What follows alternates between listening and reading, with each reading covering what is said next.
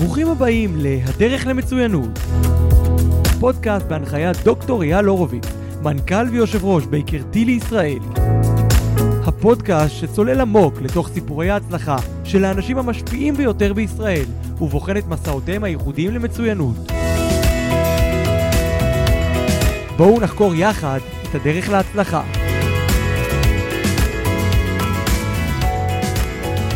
אה, ברוכים הבאים לפודקאסט שלי, בדרך למצוינות.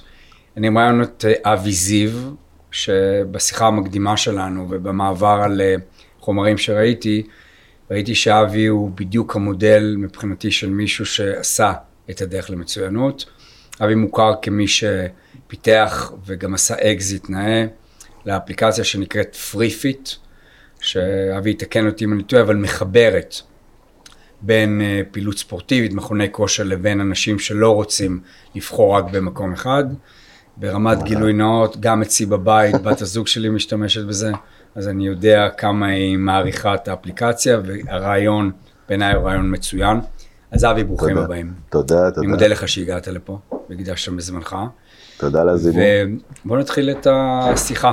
בכיף. אה, בוא נתחיל אולי בנסיבות העניין, וניגע אולי בדבר שכולנו חווים, וזה חרבות ברזל.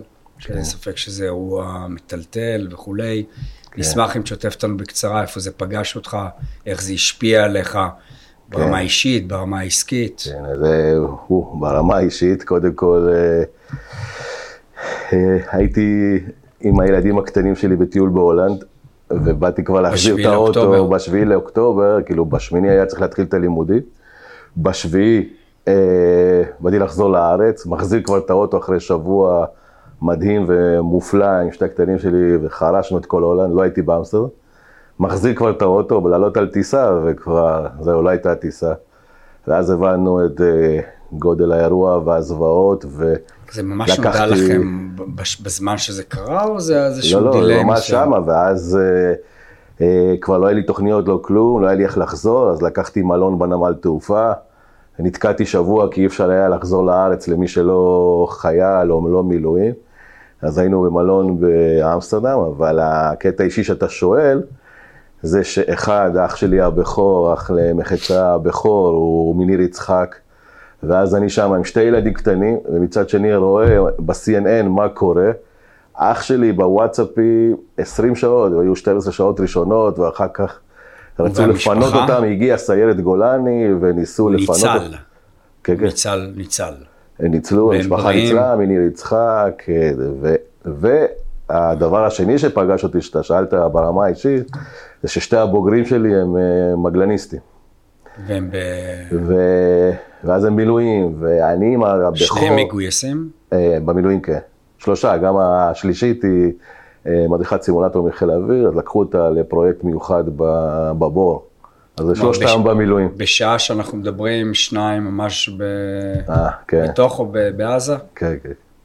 איך- אבל... איך אתה אה, ישן בלילות? אז זהו, לא, אז משהו שהיה אה, קשה באותו יום, כי שאלת על אותו יום, איך זה תפס אותי.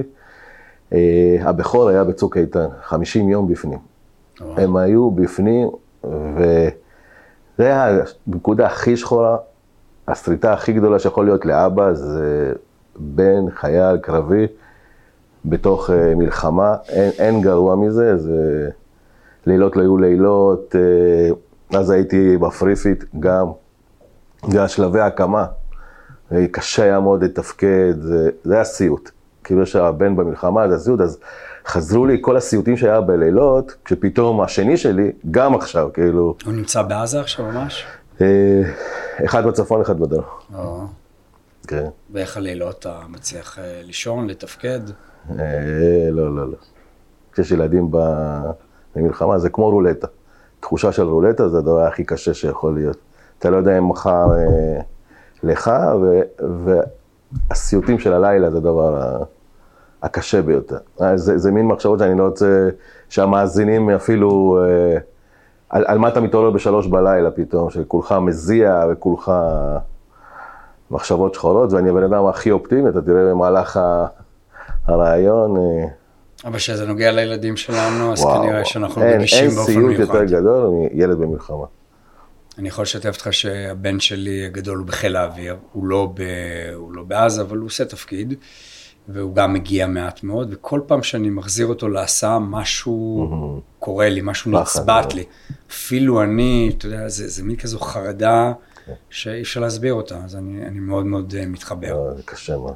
בקיצור, שלושה ילדים תורמים, ומה אתה עושה? יש לך איזושהי תרומה אישית שאתה... כן, ב- אני- בימים, בימים טרופים אלו? כן, כן, אז זה, לעסקים, לכל אלה שנפגעים, אז אה, אה, הלכתי למטה בשביל אה, להתנדב במלונות, איפה שנמצאים במלונות, כל אלה שבחודש, חודשיים ראשונים עזבו את העסקים שלהם, עזבו את הכל, ופתאום אה, מה הם עושים? אז איך, איך אה, לתת כל מיני אה, טיפים מה לעשות כשהעסק שמה ואתה פה, או אם זה אלטרנטיבה, אם זה... אה, איך, איך לעשות, אתה יודע, כמו בטקטיקה, כמו בספורט, אני בא מתחום הספורט, ש, שיש לך תוכנית א', תוכנית ב', או לפעמים אה, ללכת צעד לאחור, דברים אחרים שעשית, אם אתה לא יכול להיות עכשיו בשדות שלך, ואתה לא יכול להיות בעסק שם בדרום, אה, דברים שחלמת עליהם פעם, והם לא העיסוק העיקרי, שאולי כרגע לעסוק בהם. אה, והדברים של האונליין למשל, כאילו בעסקים אם היה לך משהו שהוא פיזי והוא מוצרי, איך אתה יכול לעשות משהו שהוא שירותי, שהוא מרחוק, אז כל הדברים האלה אני עושה פורומים, סדנאות, אה, מנטורינג בחינם, כל הדברים האלה. זה- זה- זה המילואים. שלנו. בדיוק, מישהו בדיוק, נבון אמר לי לאחרונה שכל אחד יש לו את הנשק שלו. בדיוק, אחד. מחזיק נשק וכל אחד עוזר מהמקום שלו, וזה מאוד. מאוד אה, חשוב. בדיוק. אה, טוב, אז קודם כל תודה רבה ששיתפת אותי בימים אלו, הם באמת ימים אה, מאוד מורכבים, כן. רק היום התבשרנו היום יום קשה. על יום מאוד מאוד קשה, על כל האנשים, אבל כל, כל מקרה הוא עולם בפני. עצמו, אבל אה, במילה הקטנה שלי, אני כל בוקר קם מאוד מוקדם, ואתה יודע, לקום לתוך זה, זה מאוד מאוד, בדיוק. אה, מאוד קשה. כן, כן, ההותר קשה. לפרסום הזה, זה קשה, קשה, קשה. שתי המילים הכי קשות היום לכל ישראלי. זה הותר לפרסום. טוב. אז במעבר חד, ואני מתנצל על המעבר החד, כן. אה, תראה, היום אחרי כבר מה שעשית, וכבר עשית מיילג' ופיתחת משהו שהוא מאוד ייחודי, כן. תספר לנו גם על הפיתוחים העתידיים שלך. אה, ובעיניי, כמו שאמרתי, באלגוריתם שיש לי בראש, אתה הדוגמה לדרך למצוינות, אנחנו ננתח את זה. מה עושה לך את זה היום? בימים אלו, אחרי כבר מה שעשית, כן. או לפני מה שתעשה. כן. מה באמת היום לא, נוגע בך בדיוק. חזק? עסקי, מה- אישי, כל דבר. אז מה שממש אה, נוגע בי, כי בעצם כש, כש, כשאתה עשיתי את האקזיט הזה, אף אחד לא מכין אותך ליום שאחרי. ו... תסביר את זה. אף אחד לא מכין אותך, כאילו, אתה פתאום רואה את זה, את הכתובת על הקיר, שהולך לקרות פה אקזיט, אוקיי? ולא, לא... מה זה אחרי? זה זה הכסף שיש לך. פתאום, לא, הריק שיש לך. הירידה, מה? בדיוק, אתה מוסר את. המפתח, אוקיי? יש את הכל, נגמר התהליך, נגמר כל העניין עם העורכי דין, באים ליום חתימות בכזה חדר יפה. ו... אבל אף אחד לא מכין אותך ליום שאחרי שיא ההצלחה. אוקיי, זה מעניין, תספר לי. בפסגה שם, ואז כאילו, מה עכשיו? מה יש אני? ביום שאחרי, אבי? מה אני? כאילו, אתה לא חושב לרגע על כסף. אתה לא חושב על הכסף שעשית, כי אני יזם. יש הבדל בין איש העסקים, שיש לו כמה עסקים, את זה הוא סוגר, את זה, זה, פה הוא עשה אקזיט, יופי, פה לא מצליח, הוא מחליף מנכ"ל. יזם, זה ה baby, זה מפעל חיים, זה, זה יזמות. כמה אחת, שנים עבדת זה, FreeFit? זה, זה, זה חיבור רגשי, כמה שנים עבדת על זה? 12. 12 שנה עבדת? כן, כן. מי, מי הרעיון? מה אתה הרגשת ביום החתימה? וואו, זה, זה שיא השיאים ברמה העסקית, האישית ומקצועית, אוקיי? שאין ממנו, ואז כאילו, כאילו עשית וי אחד גדול על החיים. וכשעוד מעט נגיע כנראה גם לסיפור הרקע שלי, כשאתה בא מתחתית כל כך גבוהה, אז מה עכשיו? מה, מה פאקינג ירגש אותי עכשיו, כאילו? למה לקום בבוקר, כאילו? ממש בום. ברמה הזאת? כן, כן. זאת אומרת, מה שאתה אומר, אותו כסף גדול שפגשת ושכב אצלך בחשבון, לא עשה כלום. לא, לא, לא. הקטע של הכסף, כלום. אתה נכנס פתאום למראה שחורה של משמעות, כאילו. מה המשמעות עכשיו שלי? איפה, איפה המשמעות? ריקנות. אמ, חוסר רלוונטיות. הייתי מנהל 25 צ- אה, אנשי צוות פה בבורסה, ישיבות דירקטוריון, ישיבות הנהלה. הפריפיט היה B2B עם חברות ההייטק. אתה כל הזמן נפגש עם חברות ההייטק, סוגר הסכמים, פה מיליון שקל לשנה לקידום אורח חיים בריא. כן, זה היה שלושת B2B, מיליון, לא כן, B2C, כן, כן, ממש B2B. B2B. ופה 500 רק אלף. שלצופים שלנו, B2B זה business to business, זאת אומרת. בעצם פנית ל- נכון, נכון, לביזנס, נכון. ו-B2C זה שאתה בונה ללקוח נכון, הקצה. נכון. פה פנית לעסקים הגדולים, כן, שהם להייטק. בעצם נכון, השתמשו בזה. נכון, נכון. רק פשוט ל- זה היה למי כאילו. הפריפיט היה אה, פלטפורמה, אפליקציה, שמאגדת את כל עולם הכושר. הגענו למצב של אלף מרכזי כושר וספורט, כולל רשתות והכל. אלף מרכזים ומק- בישראל? וענפים. היה מקאנטרי קלאבים, מועדוני כושר, רשתות, סטודיו, עם סטודיו פילאטיס, פעילות בחוץ. כל מתחמי הנינג'ה, כל קירות הטיפוס, כל הספורט הימי. זה היה ממש כל זה עסק פעיל בפנים, פעיל. במנוי אחד באפליקציה אז אחת. השאלה שאני שואל אותך, נו. אתה נראה לי איש נבון, ידעת שזה יקרה, אז למה מכרת? היית יכול להחזיק את זה, להתפרנס, לעבוד, מה המחיר היה? מה קודם מה- כל מה היה מחיר, שם? כן, כאילו פעם למדתי מ- מי שזה כאילו שאומר יש מחיר לכל דבר. אז המחיר היה נכון מבחינתך? המחיר היה נכון, אבל כן, אני אספר לך משהו ש... ש... שאף פעם לא סיפרתי עליו, אתה הראשון לזה, שלא באמת חשבתי שמישהו ירצה לשלם. להיפרד. אה, גם אוקיי. שכאילו אני, גם וגם אני אהנה מהכל, זאת אומרת, אתה גם תקבל את המיליונים, גם תמשיך להיות המנכ"ל. הייתי המנכ"ל של היזמות מהיום הראשון עד האחרון. והמשכת כמנכ"ל אחרי האקזיט? אז המשכתי חצי שנה, אבל זה כבר אה, לא הסתדר לשתי הצדדים. קנו אותנו גוף גדול, בחור, איש עסקים, ש, שכבר קנה כמה עסקים, באותה שנה גם. יש לו מנגנון, יש לו מערכת וארגון, להיות אה, מנכ"ל, להיות פתאום מספר שתיים, פתאום לא לקבל החלטות על ה baby שלי, כל זה, זה לא משהו, שזה, קשה. אז, אז לא מצאתי את עצמי, וזה כבר לא הסתדר. ויצאת. ו- ויצאתי, אז לא הייתה לי, אה, לא הייתה תוכנית. אני כאילו רציתי שותף בשביל להתפוצץ, לא בשביל ללכת. זאת אומרת שמכרת, ראית את עצמך נשאר ומשפיע? בטח, כי רציתי לעשות מזה וואחד... אה, זאת אומרת, תפיסת העולם שלך לא הייתה באמת לגוע בכסף, אלא פשוט נכון. רצית להכניס שותף. לא, רציתי להמשיך להתפוצץ. וזה התנפץ לך. כן, כן. ואז הייתה הריקנות. כן, זאת אומרת, כן. זה לא שעמדת נכון, שזה מה שעומד נכון, להיות. מה היית מציע היום לאדם שמי שמקשיב לנו, שנמצא במקום הזה, פיתח, נכון. רוצים לקנות אותו, סכום מאוד מאוד מפתה, אבל הוא מבין שאחרי זה אין חוץ ההכנה. מחשבון בנק גדול. כמו שהבנת אתה מציע? כרגע, זה מאוד פשוט. ההכנה לקראת זה. זאת אומרת, ההכנה זה אומר, תסביר. כמו שהיום בצבא, אז עושים כל מיני קורסים, או מביאים כל מיני יועצים, או כל מיני מנטורים, אה, מה יעשה עכשיו אה, סגן אלוף, או אלוף משנה, או תת אלוף, כשהוא פורש בגיל 40 או 45, שיהיה איזה הכנה, איזה אלטרנטיבה. אוקיי? אחד, זה האלטרנטיבה, כאילו, מה, מה אתה עושה? מה החלומות הבאים שלך? מה כזה? פה לא היה, אני כאילו ממש אה, רציתי אה, להפוך את הפריפיט שהיה fitness ל wellness. רציתי לעשות ממנה אפליקציה שלא רק כניסה, היום אשתך נכנסת לכל מקום. רציתי שאשתך תוכל גם להיכנס, גם לקחת מאמן פרטי עם אותה אפליקציה, גם לקחת יועץ לפ- עם אותה אפליקציה. לפתח את הכל שם. לפתח את הכל היום זה רק באפליקציה. מחבר עם היום זה רק אה, מקום. כניסה. אתה יכול להיכנס עם זה, הבנתי. אבל אין עוד אה, הרבה פעילויות, זה היה חלום מאוד וזה גדול. שקנה לוקח את מה שאתה אומר עכשיו לתוך האפליקציה הזאת? מתחיל, כן, כן. מתחיל? כן, כן. מתי היה לא, הם עושים האירוע הזה? עבודה יפה, מתי היה האירוע הזה? לפני שנתיים. לפני שנתיים? כן, כן, ב-31 לדצמבר אה, 21. תתן לי רק לרכז ומה שאמרת עכשיו. מה שאתה בעצם אומר זה שמי שפיתח משהו, ובנה משהו, וגם ניהל אותו, גם הצליח בו, ועומד לעשות אקזיט, צריך לנסות להבין שזה לא אירוע פשוט, גם אם הוא יקבל עשרות מיליוני שקלים. נכון. זה מתחבר לזה שכסף הוא הכסף.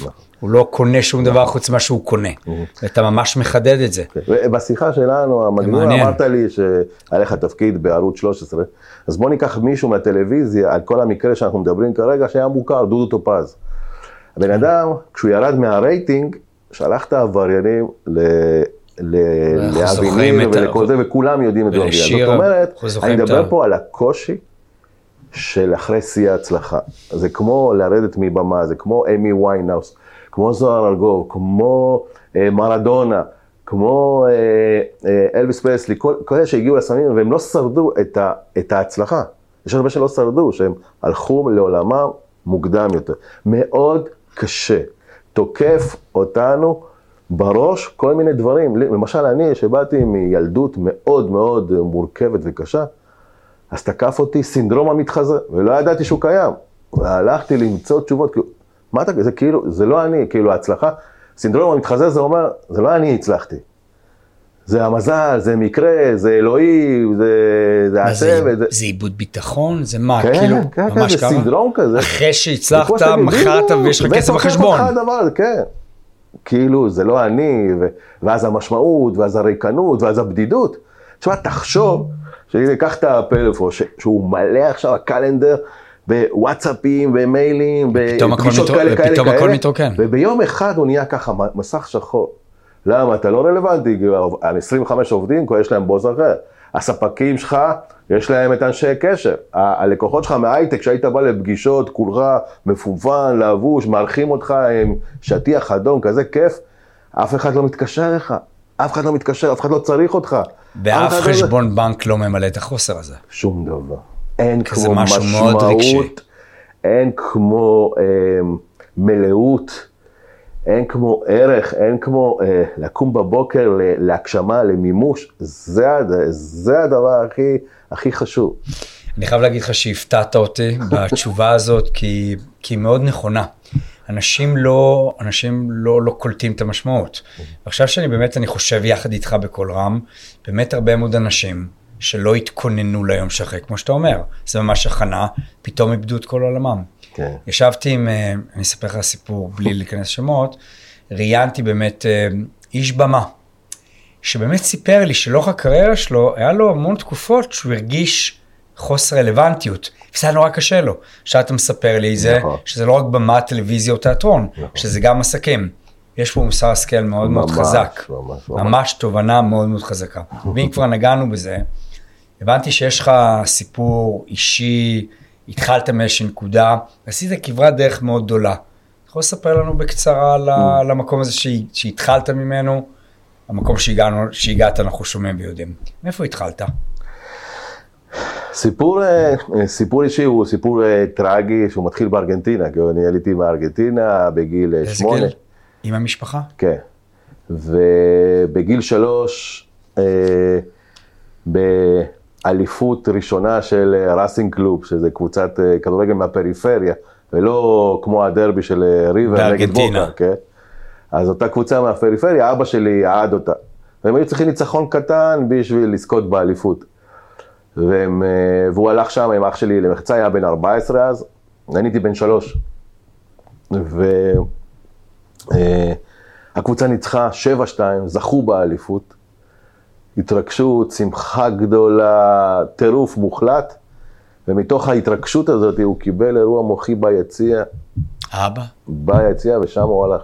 אוי, זאת אומרת, אה, איבדתי את האבא שלי שם ביציע של המגרש. היית שם ממש. אני לא, האח? שלי היה למחצה, הייתי בן שלוש, אז הייתי עם האימא, אבל אה, לא חוויתי, אה. באמת, נשארתי יתום מאבא, לא עברה שנה ונשארתי יתום מסבא גם, כאילו מול העיניים שלי בבית בארגנטינה עדיין, ובגיל חמש אה, אה, אימא שלי התחתנה עם גבר זר, עדיין בארגנטינה, אני רואה אותה עם שתי מזוודות, ואני פתאום ראיתי את שתיהם בפתח של הבית, לקחתי את זה מאוד קשה, וכנראה שכבר אז התחילו האינטואיציות שלי, כי uh, זה היה סיוט חיי, עברתי רדיפה נפשית רגשית uh, מאוד גדולה ממנו, הוא לא רצה אותי כילד, מאבא החורג. כן, הוא רצה רק את האימא, וגם עלינו לארץ, ואז הקשיי התאקלמות, באיזה גיל עלית לארץ? שמונה, זה שמונה, זאת אומרת, האימא, האח, ואח אחד, אחד והאבא כן, החורג. כן.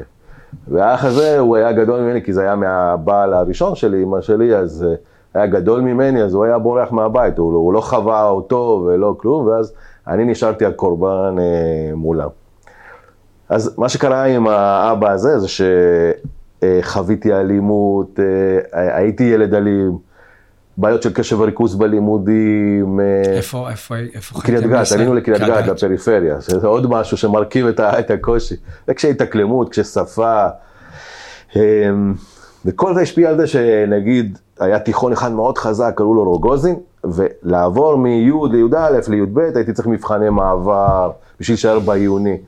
וכל זה, זה היה בזכות אה, חברים טובים. כאילו, ההורים, לא עניינתי אף אחד, אף אחד לא התעניין, לא שאל.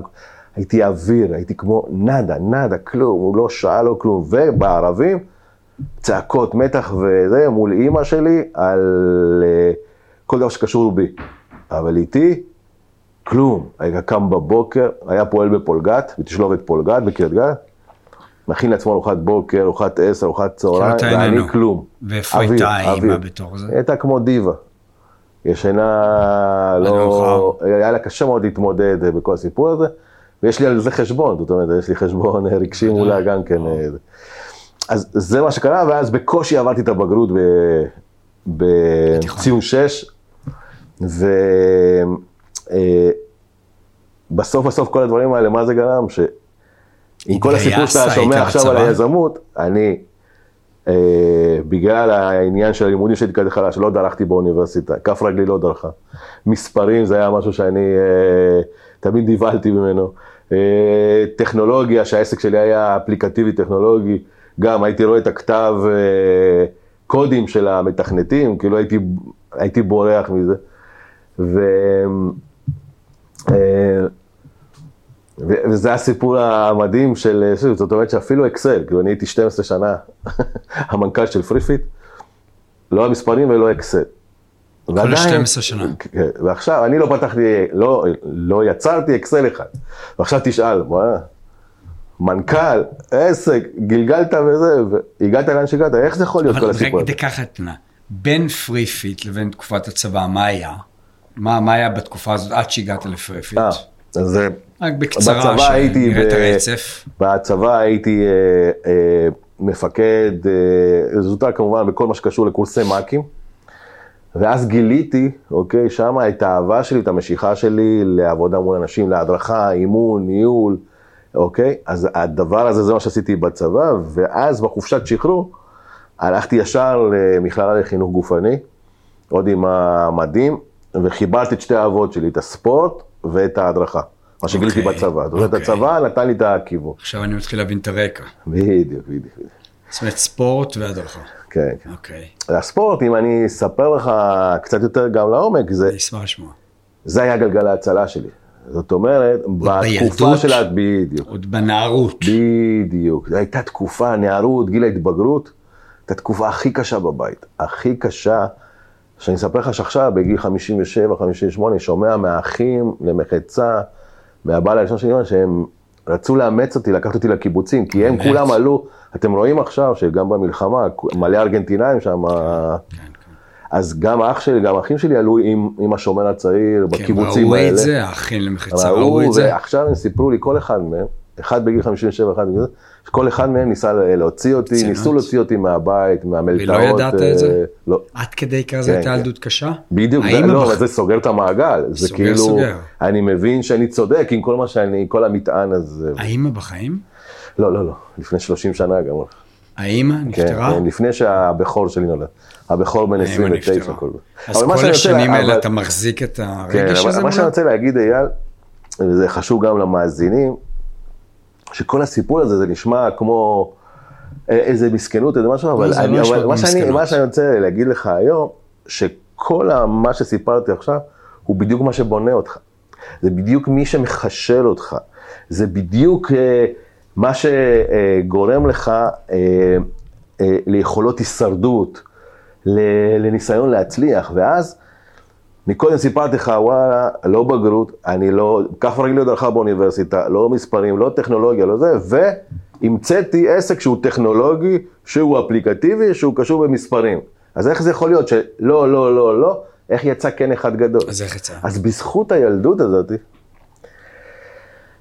יוצא שמה שחשוב באמת ל- ליזמים או אנשים שרוצים להצליח, זה לאו דווקא התואר, לאו דווקא מאיזה משפחה אתה מגיע, לאו דווקא כמה כסף יש לך בבנק, איזה תואר אקדמי עשית, אלא המבנה הפנימי, שזה החוסן המנטלי, העמידות, הנחישות, ההתמדה, העקביות, ומשהו שאצלי זה השם משפחה של כל המשפחה שלי, יש לי חמישה ילדים, זה ה-never give up, זה זורם להם כמו סמים, ככה. יש לי ילדה האחרונה, היא בת שמונה וחצי. הדבר הראשון שלמדה באנגלית, ה-never give up, never give up, אתה שומע אותה. הדברים האלה, מה עשה? כל התכונות האלה גרם לזה שאנשים טובים שהייתי צריך בשביל האקסלים, בשביל המספרים, באו אחריי. הייתי צריך מישהו שיתכנת לי את האפליקציה, באים אחריך, הטובים ביותר, הם נדבקים בתכונות האלה זאת אומרת, זה הדבר אישית? הנדיר וה- והחשוב. כדוגמה אישית, אבי? לא, הם נדבקים לתשוקה הזאת, לאנרגיה, לחוסן מנטלי, הם רוצים שהמנהיגים יהיו כאלה. וזה הדבר היחיד שהיה לי. זאת אומרת, אתה מבין שלא היה לי משהו אחר. היה לי את הרעיון והיה לי את התכונות האלה. אבל זה מצליח להדביק את האחרים איתך ביחד. ולכן הנוסחה להצלחה, ומה שאני חושב, זה הביחד מנצח. זאת אומרת, אתה לא חייב להיות מושלם. זאת אומרת, אחד הדברים שאני עושה היום במנטורינג ובסדנאות שלי, אחד העיקרים זה האומץ להיות בלתי מושלם. קפוץ למים ממה שיש. מה שאין, תשלים עם האחרים. ואז כל אחד יכול. זאת אומרת, בעצם באמירה הזאת, כל אחד יכול, הכל בראש, חלומות החיים מתגשמים. ראית את הסדרה של דברים שאמרתי, שאין. לא היה, לא, לא, לא, לא, איך בכל זאת? אז זה מבנה אישיות או נסיבות חיים? זה להסתכל על נסיבות חיים לא כקורבנות, אוקיי? אלא כמשהו שזה בנה אותך. אבל זה- עכשיו, זה עכשיו ה- אמרת אבל שהיה לך כעסים שסגרת את המעגל.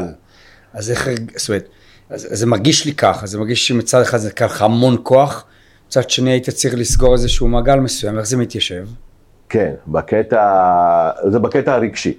אני שואל, איך זה. מתיישב? זה, זה בקטע הרגשי, אבל ה, משהו מדהים הוא, שזה מה שקרה בשנתיים האלה עכשיו, אחרי האקזיט. תספר לי. שאם יש משהו שאני הכי לוקח מ, מה, מהמשבר, זאת אומרת, אם הגעתי לשיא מקצועי, אישי ועסקי באקזיט, באה אחר כך נפילה. נפילה של המשמעות, של הריקנות, של הרלוונטיות, נכון? ואז מתחיל תהליך של התאוששות, תהליך של ריפוי, תהליך של זיקוק ותהליך של דיוק, ואתה מגיע לשיא חדש, הרבה יותר כיף, הרבה יותר חזק אפילו מהאקזיט הפיננסי אה, עסקי, זה האישי. ואז פתאום אתה מגלה יותר אמפתיה, חמלה, אתה מבין שעם כל הכעסים או כל הרגע שהיה על הילדות הזאת או על האימא, אוקיי, זה בעצם בנה אותך להיות מי שאתה עכשיו. ואז אתה לומד יותר לסלוח בתהליך רוחני, רגשי, קוסמי, אתה לומד לסלוח, אתה לומד לקבל, ו... ואז אתה מגיע לש... ל... למצב של השלם, של שלמות. לא מושלם, אבל אתה מגיע לשלם. שלם זה לקבל את העבר שלך, לקבל את המגרעות שלך, לקבל את זה שהיו דברים שאין לך ולא קיבלת, אבל אתה שלם.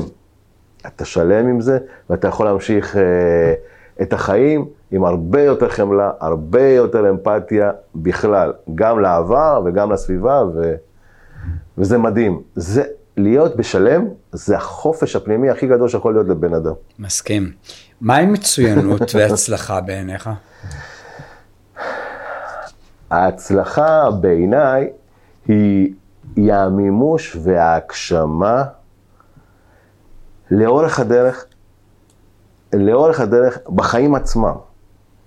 זאת אומרת, אני חוויתי את האקזיט, אבל כמו שאמרתי, ביום שלאחריו הייתי כאילו פחות שמח ופחות מאושר. האקזיט זה הצלחה בעיניך? לא, זהו, זה מה שבדיוק אני מסביר. כשאני מסתכל על ה-12 שנה שהקמתי, יזמתי, המצאתי את הפריפיט הזה, ואז הובלתי אותו ופיתחתי אותו, והוא הגיע לעסק להיות, העסק עצמו, לפני האקזיט, הוא היה מדהים, זה הדבר הכי כיף היה.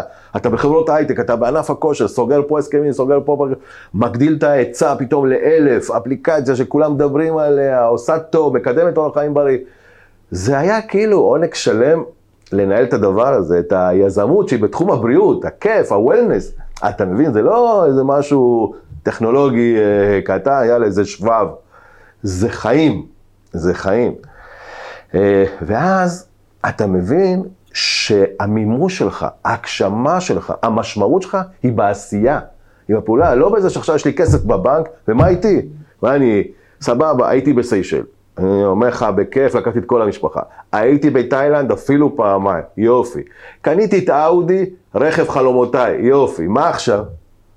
יופי, אז מימשתי חלומות, איך אומרים. מישהו פעם אמר שיותר אה, מסטייק אחד ביום אתה לא יכול לאכול, אז? פה זה כאילו, נגמר. הפיקים האלה, השיאים האלה, זה? עושר רגעי, אבל הם חסרי משמעות לעומת הדרך, תהליכים, להרגיש שאתה מממש, להרגיש שאתה בעשייה, להרגיש במשמעות. זאת אומרת, המשמעות בחיים שלנו זאת ההצלחה. בחיים עצמם.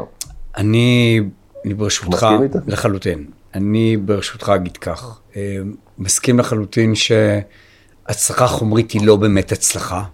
אולי איזשהו ביטוי מסוים, כ- כי זה לא מספק, זה מאוד רגעי. ואני חושב שגם הצלחה רצופה בכישלונות. ואתה תיארת איזשהו מסע חיים. תמיד יש את הסיפור שמעלה חיוך, זה שאתה יודע, שמי שנכנס להיריון, אז תמיד אומרים, יואו, איזה יופי, אבל אף אחד לא יודע איזה דרך קשה היא עברה כדי להגיע להיריון. וזו האנלוגיה, כלומר, בכל סיפור של הצלחה ומצוינות, אני תמיד מזהה איזה שהם דברים בדרך. כי א', זה בונה אותך, וזה מכניס אותך נכון. לפרספקטיבה, כך שאני נכון. מאוד מאוד מסכים עם, ה, עם החיתוך הזה. נכון.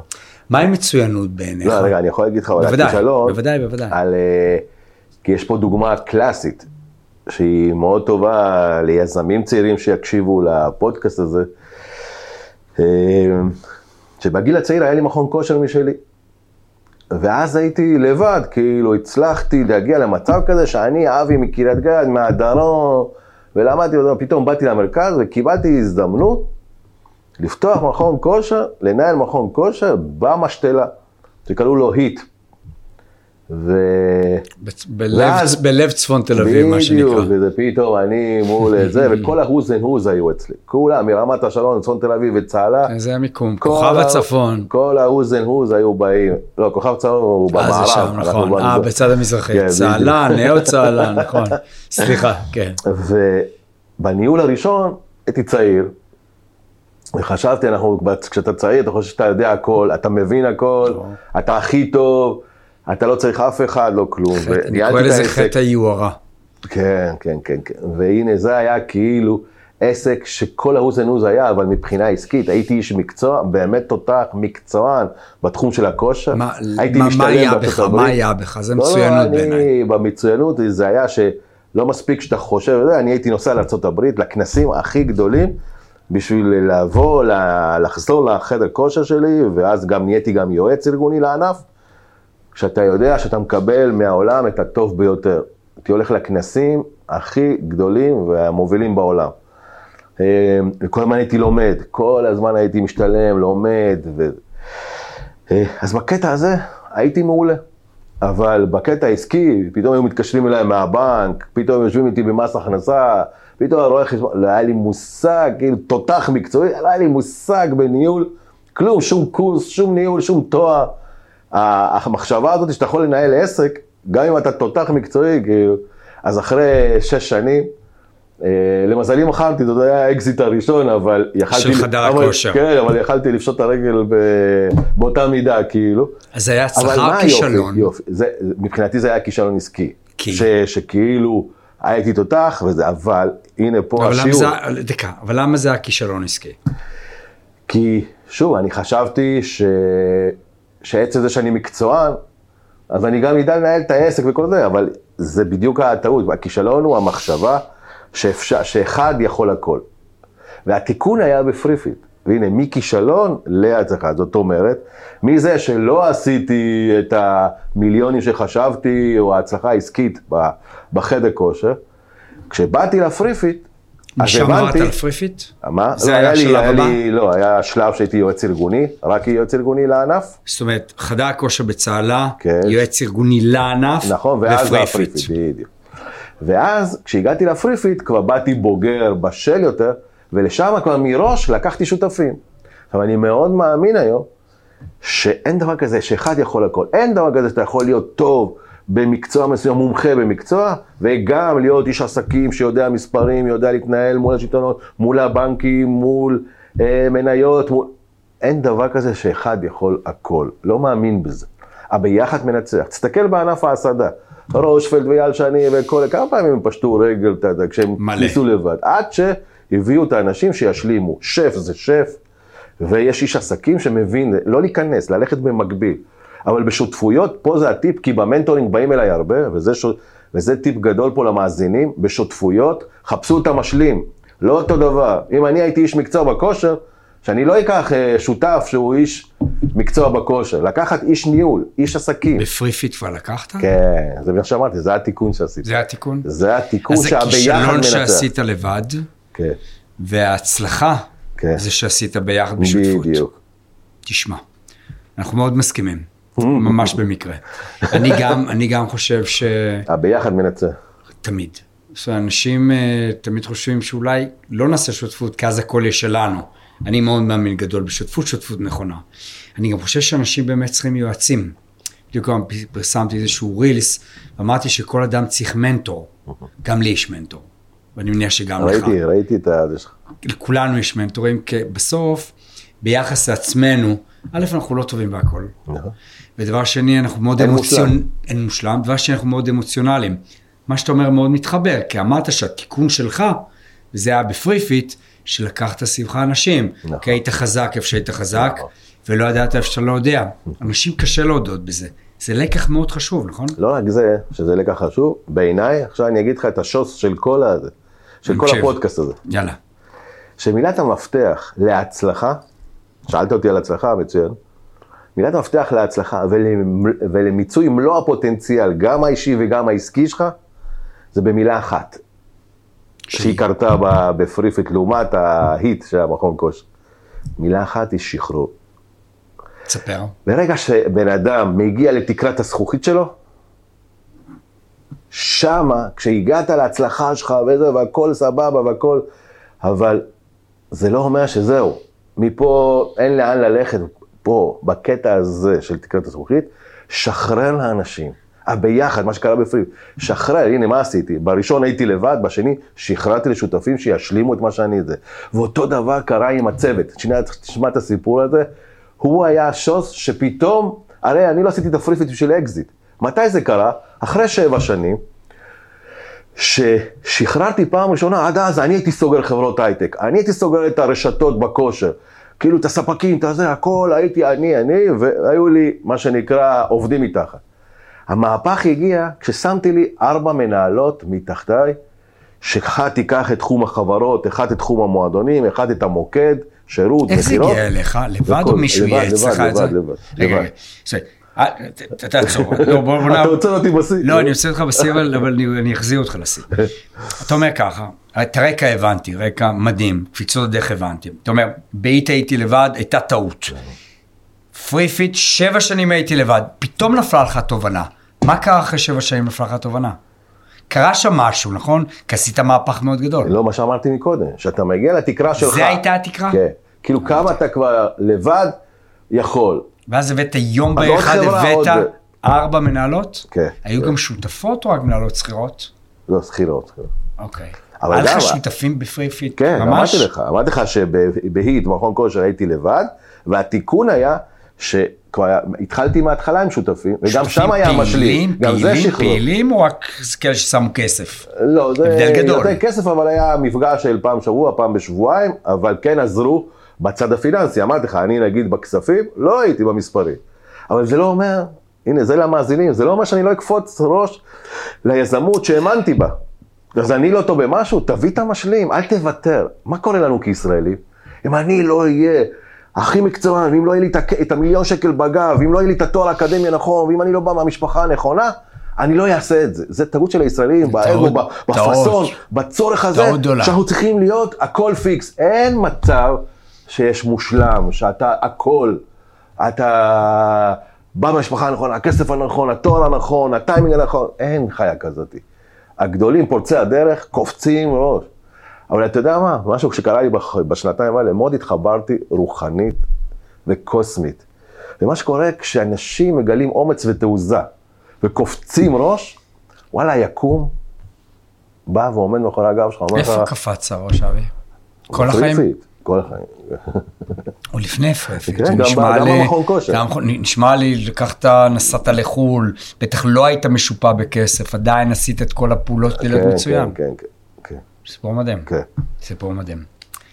תגיד לי, עולם הכושר והכושר, פשוט אהבת כושר כל החיים, או שזה כן. היה מפלט לא, זה היה של מ- ילד? זה היה מגלגל ההצלה שלי.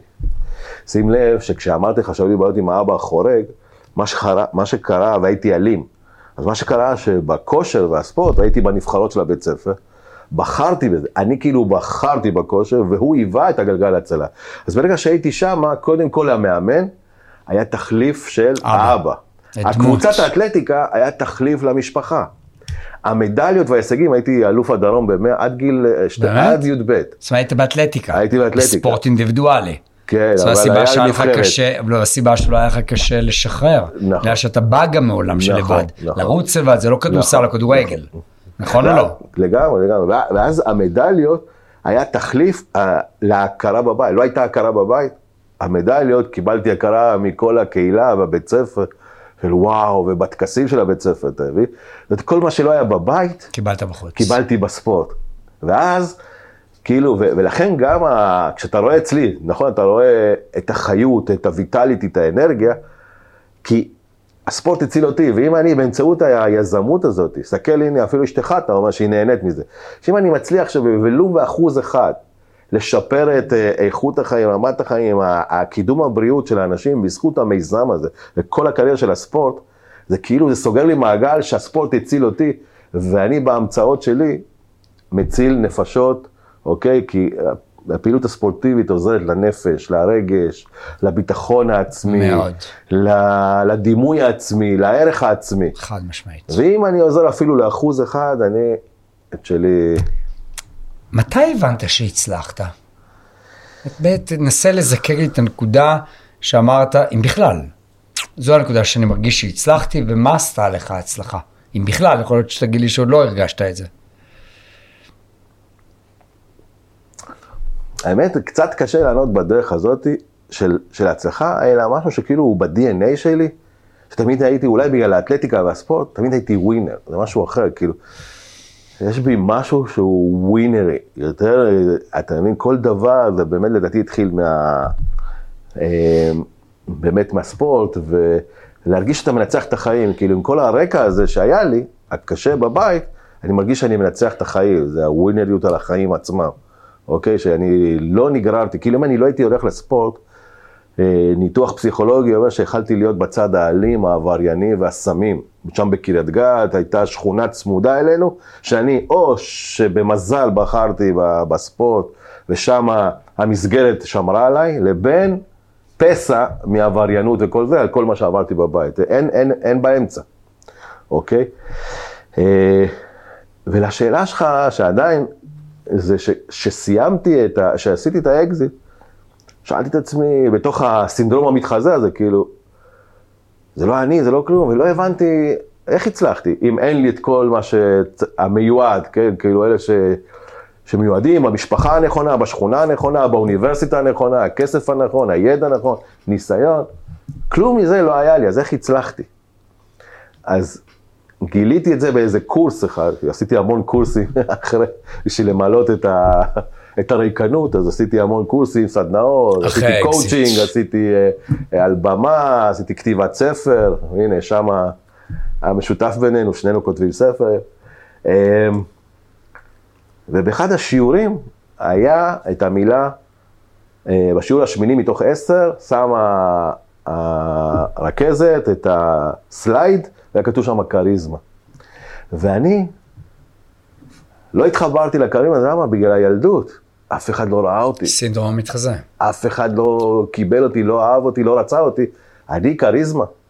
אבל אז היא שמה את המשפט השני. ושמה נפל לי כל האסימון.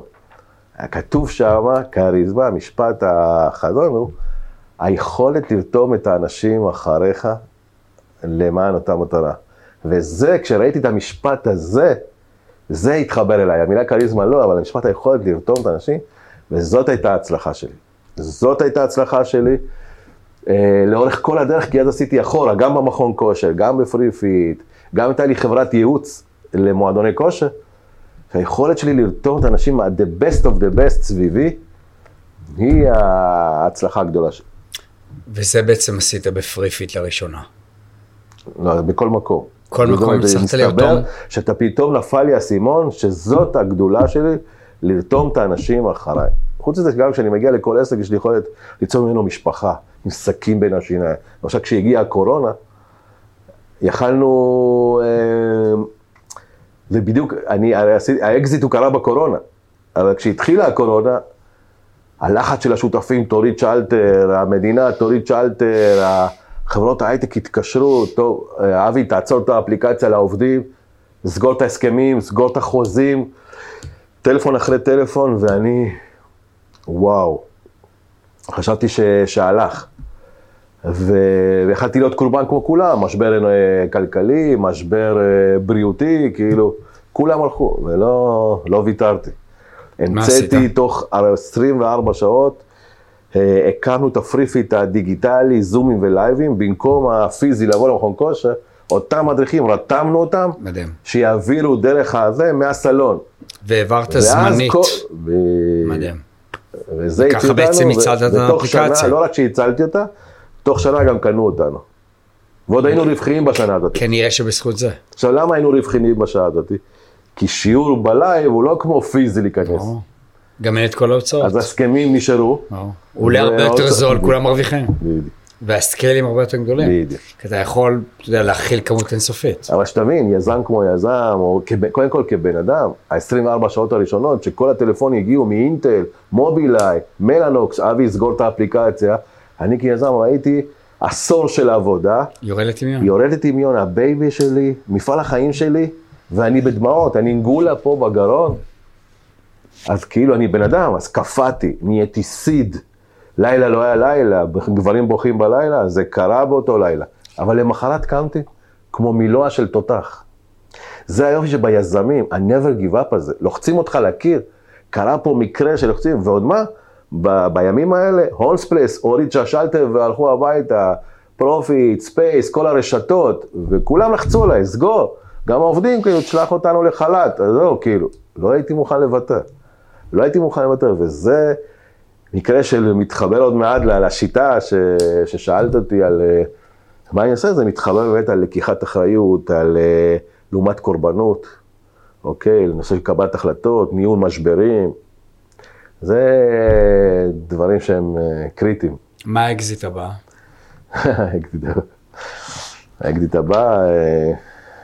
קודם כל היה שנתיים עכשיו של, שהרגשתי שאני בשליחות וייעוד חדש, אה, ליזמים חדשים, מנהלים, בעלי עסקים, כמנטור? עצמאים, כמנטור? כמנטור, לתת להם את הרוח הגבית, את האמונה, את הכלים, את התובנות, שהכל אפשרי. כל אחד יכול, הכל בראש. במקרה שלי, כמו ששמעת את הרקע שלי, כל אחד יכול. באתי מכלום. תצביע על משהו, כלום. אולי בגלל הרקע שלך, גם אתה מה שאתה. ומי שאתה. בדיוק, זה מה אם שאמרתי. הייתם ש- לא כפית של זהב בדיוק, אולי היינו במקומות כן, אחרים כן, בכלל. כן, לצערנו אנחנו שומעים על מקרים כאלה, אין לזה סוף. אנשים שמגיעים לסמים, כי ההורים רק נתנו להם. עטפו אותם. אין לזה סוף. צריך לתת את החכה, לא את הדג. אז בעצם בשנתיים האחרונות אתה מנטור? כן, מה כן. הגישה שלך? מה השיטה? מה הגישה? פיתחתי שיטה שנקראת אה, RDNA. אוקיי? זה ארבע עקרונות שמסכמות את כל ה-FreeFit וגם את השנתיים של, ה... של המנטורינג, שהיא בעצם לפתח DNA חדש, תודעתי מנטלי, שמאפשר לך לקחת אחריות במעלה הדרך מול כל אתגר, כל צומת, כל חלום. מה זה ה-RDNA? יופי, אז R זה ה-responsibility לעומת קורבנות. ראינו פה, הנה, ה-responsibility היה, אני לא סוגר את FreeFit, הקורבנות היא, וואו, קורונה, נסגור. וכולם לחצו, ולא הייתי מוכן להיות בצד של הקורבן. אתה ראית בזה הזדמנות או שרידות? הזדמנות. כלומר, שאתה אומר שכל אירוע משברי הוא הזדמנות. בדיוק. הוא לא הישרדות, הוא הזדמנות, שזה גדול. עד עכשיו, כאילו, זה משהו שייתן לך מענה לזה, שהלייבים והזומים נשארו כעוד מוצר. זו השאלה לא באמת. סגרנו את זה. עוד מוצר, עוד מרכז רווח. ואיפה עוד פיתחת את עוד האפליקציה. מרכז רווח, בדיוק. אז זה ה-R, וה-DNA זה DNA? לא, והדי זה ה- להיות במרחב הדוינג לעומת מרחב הבין. ה-D זה הדוינג. מה זה אומר? כשאנחנו נמצאים במרחב הבין של המחשבה ו... ורק לימודים, או כל אלה שאתה רואה במשרדים שלהם, 20 תעודות על הקיר, אבל לא באמת קפצו למים ועשו משהו. לימודים, קורסים, לימודים, קורסים, עכשיו זה, או אלה שנמצאים במחשבה כל הזמן, מה קורה לנו כשאתה במחשבה? אז נכנסים החששות ונכנסים החסמים והמעכבים והפחדים, ולא קורה כלום בבין. ואז מרחב הדוינג הוא החיים. הוא בעצם החיים, שם קורים הדברים. כשאתה בעשייה, כשאתה בדוינג, כשאתה בפעולה, שם קורים הדברים. גם אם קרה משהו שהוא טעות, אתה יכול לעשות ניסוי וטעייה, לתקן עכשיו ולהמשיך ולהגיע, וזה החוזקה שלי, אחד הדברים החזקים אצלי, זה היה ה-doing, אוקיי? זאת אומרת, יש לקיחת אחריות, יש מטרה, להיכנס למרחב. האין זה ה-now לעומת דחיינות. אין סיבה לדחות, לדחיינות עכשיו. אין תכלית. מה שאפשר לעשות עכשיו, עכשיו או כן, אתמול, לא מה מחר. יקרה מחר, מה יקרה עוד שלושה חודשים? וכולנו אוהבים לדחות, בוא נדחה ל- אחרי הצבא, אה, אחרי התואר, אה, אחרי הפנסיה, אחרי הילדים, וכמה אנשים מוצאים את עצמם שכלום לא קרה. כלום לא קרה. כאן ועכשיו, יש משהו. עכשיו אני אומר לך, לפריפיט, עד עצם היום הזה, לא קמה תחרות. אתה יודע מה גרם לזה? מה גרם לפער הזה שכשאנשים ניסו להתחרות, ניסו כמה פעמים, בין שלוש לחמש פעמים ניסו להתחרות, הם הסתכלו, אומרים מלא, מה זה האימפריה הזאת? לא נכנס להתחרות בכלל. על מה זה היה? על היישומיות הזאת של כאן ועכשיו. היה איזה רעיון, כאן ועכשיו ליישם. אתן לך סיפור שקרה באפל. אפל גם היו אצלנו, ואני מגיע לישיבת חתך עם המנהלת רווחה, בדרך כלל הקשר שלי היה מנהלות רווחה בהייטק. ואז היא שאלה, היא אמרת לי, מפרגנת, תקשיב, עשית כזה מודל מקסים, מדהים וכל זה. עוד מעט פסח, עוד מעט החופש הגדול. למה שלא תרחיב את זה גם לבני המשפחה? זאת אומרת, אנחנו גם דואגים להם מדי פעם, לא רק לעובדים. בטח קייטנות עניינים. זרקה אגב, זה, זה, הזה. זה המודל של החברות הגדולות, לדאוג לבני משפחה, כי אז. אתה לא יוצא מהם, בדיוק, שאתה לא עוזב. לך לקריית מייקרוסופט בהרצליה. זו מדינה. נכון. יש לך הכל שם, אתה לא צריך לצאת, אתה נכון. יכול לישון, לאכול, נכון. לילדים, נכון. זה המודל, ושם תישאר. היה, בהרצליה פגשתי אותה וזה. למחרת, אייל, זה, זה בדיוק מה שאפיין אותי. Now, אצלי יש כלל אחד, אתה מדבר איתי על משהו, it's make sense, עושה היגיון, נגמר. יישומיות כאן ועכשיו. למחרת בבוקר אני מגיע, עושה ישיבת צוות עם כולם בחדר ישיבות, ואומר להם, רבותיי, הייתי אתמול באפל, אמרו, למה אתה? אנחנו עכשיו עושים אה, זה, מזה שיש לנו מנוי לעובדי ההייטק, עכשיו אנחנו יוצרים כרטיסייה לבני המשפחה, שהעובד יכול לקנות, שהחברה יכולה לקנות עבור העובד, והמשפחה תוכל לבוא איתו לקאנטרים, לבריכות, שיש ב-FreeFit. ואז אני אומר למתכנת, אמרתי לך שאני לא יכול להסתכל על זה, לא, לא מבין כלום בטכנולוגיה. אבל הייתי מגיע למתכנתים ככה, ו- וככה זה 12 שנה עם אפס תקלות. הייתי בא ואומר, תקשיב, בכרט... אני רוצה כרטיסייה עכשיו, לא רק להייטקיסט, עכשיו אני רוצה למשפחה, מוגבלת לעשר כניסות, אתה מוציא מתוך האלף מקומות רק את הבריכות, אוקיי? עושה לי כרטיסיית בריכות למשפחה, בעשר כניסות, היא נטענת מחדש כל פעם, יש, מבין, ביי. זהו, אין וזה עוד שלושה חודשים אני מגיע. זה הכל הרגע. זה הכל הנאו. מה שאני רוצה להגיד? רגע, מה אני בא להגיד לך? שבדבר הזה, בסוף זה היווה בסביבות ה-25% מהעסק.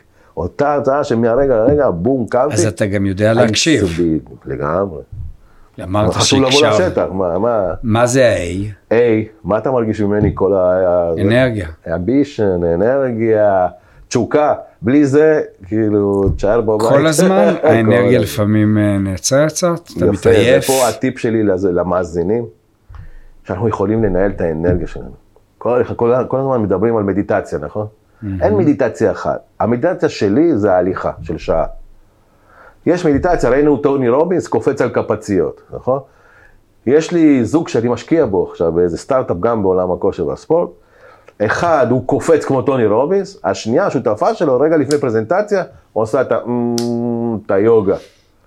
כל אחד שלו, אחד צריך מוזיקה, אחד צריך אז לכתוב. אתה הולך שעה? וכל זה, אני עושה את השעה, אבל מה אתה שאני יודע בא שאני ואומר, כל יום עושה שעתיים ספורט? כן. שבעה ימים בשבוע? רואים עליך, אני לצערי הארגנטינאי, אה, זו החולשה היחידה שלי.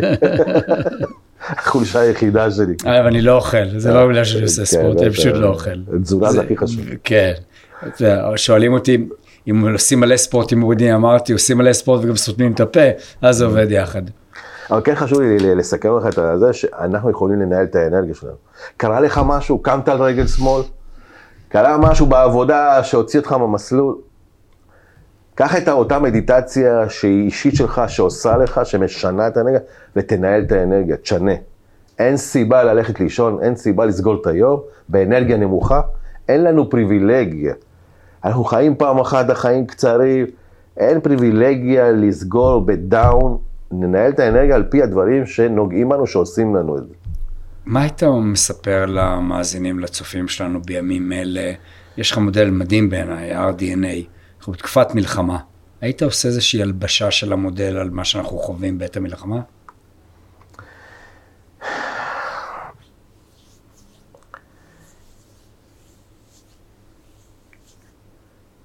לאו דווקא זה כמו ש... שאתה רואה ממסלול החיים שלי, איך הוא השתנה לכל זה, זה לקחת את התחתית, אני באתי מהתחתית ועכשיו המדינה בתחתית, להמשיך ולהסתכל באופטימיות. כאילו, בכל זאת, מה כן? כי אני, אני רצית לשאול אותי בהתחלה, איפה זה פגש אותי וכל זה, זה, היקום דיבר אלינו. זאת אומרת, היקום דיבר ואומר, הלו, התבלבלתם, כאילו, אתם במלחמת אחים, אתם עוד רגע הורגים אחד את השני, אתם, אתם אה, פוגעים אחד בשני, אתם פה בתוך היהודים, חרדים, יהודים, ימין, שמאל, הלו, השתגעתם? אתם לא מבינים שיש מישהו שרוצה להשמיד את כולכם ביחד, ולא משנה צבע, מין וגזע? ואז, מה שאני חושב שמתוך הדבר הזה, היקום דיבר, אה, יצא בסוף מתוק מהדבר הזה. זאת אומרת, המתוק הוא שכן יהיה שקט. אני מאמין באופטימיות שמתוך הכאב, מתוך התחתית הזאת, בסוף כן יהיה הפרדה. אם זה יהיה שתי מדינות, אם תהיה רשות חדשה, מדינות ערב יתמכו, הקוורטט מלמעלה, יהיה, אני רוצה להאמין באופטימיות הזאת שבסוף עזה והשטחים יהיו מפורזים. ברגע שמפורזים, כאילו לא יהיה נשק, לא יהיה תשתיות טרור, אין סיבה שלא יהיה שתי עמים. שזה כי אתה לא יכול לעולם להמשיך לשלוט על שתי מיליון, אתה לא אה, יכול להיות לעולם על החרב. כן, כמו בסוריה, זאת אומרת, יקרה משהו, שנדע משהו אחרי שתהיה מדינה פלסטינית. יקרה משהו בעזה, תתקוף כמו שתוקף עכשיו בדמשק, על כל משלוח, על כל משאית, על כל זה. אבל לא, לא ללכת בסיסמאות האלה שבשום פנים באופן לא מדינה פלסטינאית. אנחנו רוצים את השקט, רוצים את זה, בוא נסתכל על הקן החיובי. אתה יודע מה אני חושב? מול מצרים, מול מצרים, יש לנו שקט, מול, מול ירדן, יש, יש שקט. לנו. אתה יודע מה אני חושב? שהמודל שלך, RDNA, גם יכול לעבוד ברמת המדינה שלנו. לגמרי. שאני חושב, על ה-responsibility, על doing now ואנרגיה, מאוד מאוד חשוב. ושלושה דברים לסיום? אוקיי? כי אנחנו די לקראת uh, סיום. תעזור לי. שאלה אחת חשובה שלא שאלתי אותך והייתי צריך לשאול. אמ, תראה, הדבר שהכי הפתיע אותי, שכאילו אני אמרתי לך בלי שאתה תשאל, זה על היום שאחרי. כאילו ששום דבר, מה, מה קורה אחרי שיא ההצלחה. כי זה משהו שהיה לא פשוט בכלל, זו התמודדות נפשית אה, מאוד מאוד זה, כאילו, מאיגרא רמא לבירה עמיקתא בשנייה וחצי. מסרת את המפתח, אתה בא הביתה, אתה יושב מול היוטיוב, מה עכשיו? מבחינת משמעות עשייה, שאתה רגיל שאתה ניהלת עסק מצליח, ופתאום הוואקום הזה, פתאום התהום הזה, זה משהו ש... שאלה שהיא... זה, ואגב, אה, אה, שנינו עם אותה סופרת, הספר הולך להתמקד הרבה על היום שאחרי, כאילו על המשבר שאחרי, ועד כמה שבסוף, מתוך המשבר הזה, הגעתי לשיא אישי, להגיע לשלם הרבה יותר, זה, זה נשמע, יותר מהשיא הפיננסי. זה נשמע ספר חובה ליזמים. כן. ממש. אם הייתי מאפשר לך לבקש נכון להיום משאלה אחת שתתקיים, אחת, מה היית מבקש? אמ, יכול להיות גם בימינו אנו, ויכול להיות כל דבר. אמ,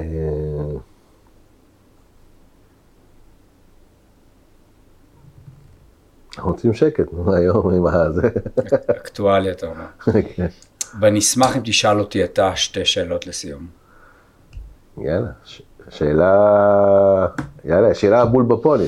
אתה מצטרף אליי ליזמות הבאה, אחרי ששמעת את הסיפור הזה? בלי להסס.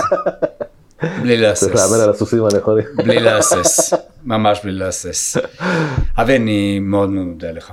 שיחה אתה יודע, אני נכנס לשיחה, יש לי את ההערכות שלי, אני לומד. אמרו לי עליך שאתה איש מאוד מיוחד, והרבה יותר ממה שחשבתי. תודה רבה, תודה גדולה, שהגעת. תודה לך. תודה רבה.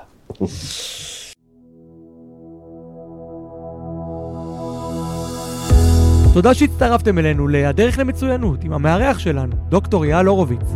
במידה והפודקאסט מצא חן בעיניכם, שתפו אותו עם חברים, משפחה וכל מי שיכול להיעזר בהכוונה אל הדרך למצוינות והצטרפו אלינו שוב בשבוע הבא. האזינו בספוטיפיי, יוטיוב ואפל פודקאסט כי לכל אחד יש דרך למצוינות והדרך שלכם עשויה להתחיל ממש כאן. דוקטור אייל הורוביץ הינו המנכ"ל והיושב ראש של אחד ממשרדי ראיית החשבון הגדולים בישראל. בנוסף, אייל משמש כמנטור לאנשי עסקים ויזמים ומסייע להם להגיע לשיאים חדשים של הצלחה. להרשמה למועדון האישי של אייל ולמידע נוסף על שירותי הליווי האישי שלו, אתם מוזמנים לבקר באתר האינטרנט איילהורוביץ.com. עד לפעם הבאה, תישארו שאפתניים, שמרו על מוטיבציה, והכי חשוב, תישארו מצוינים.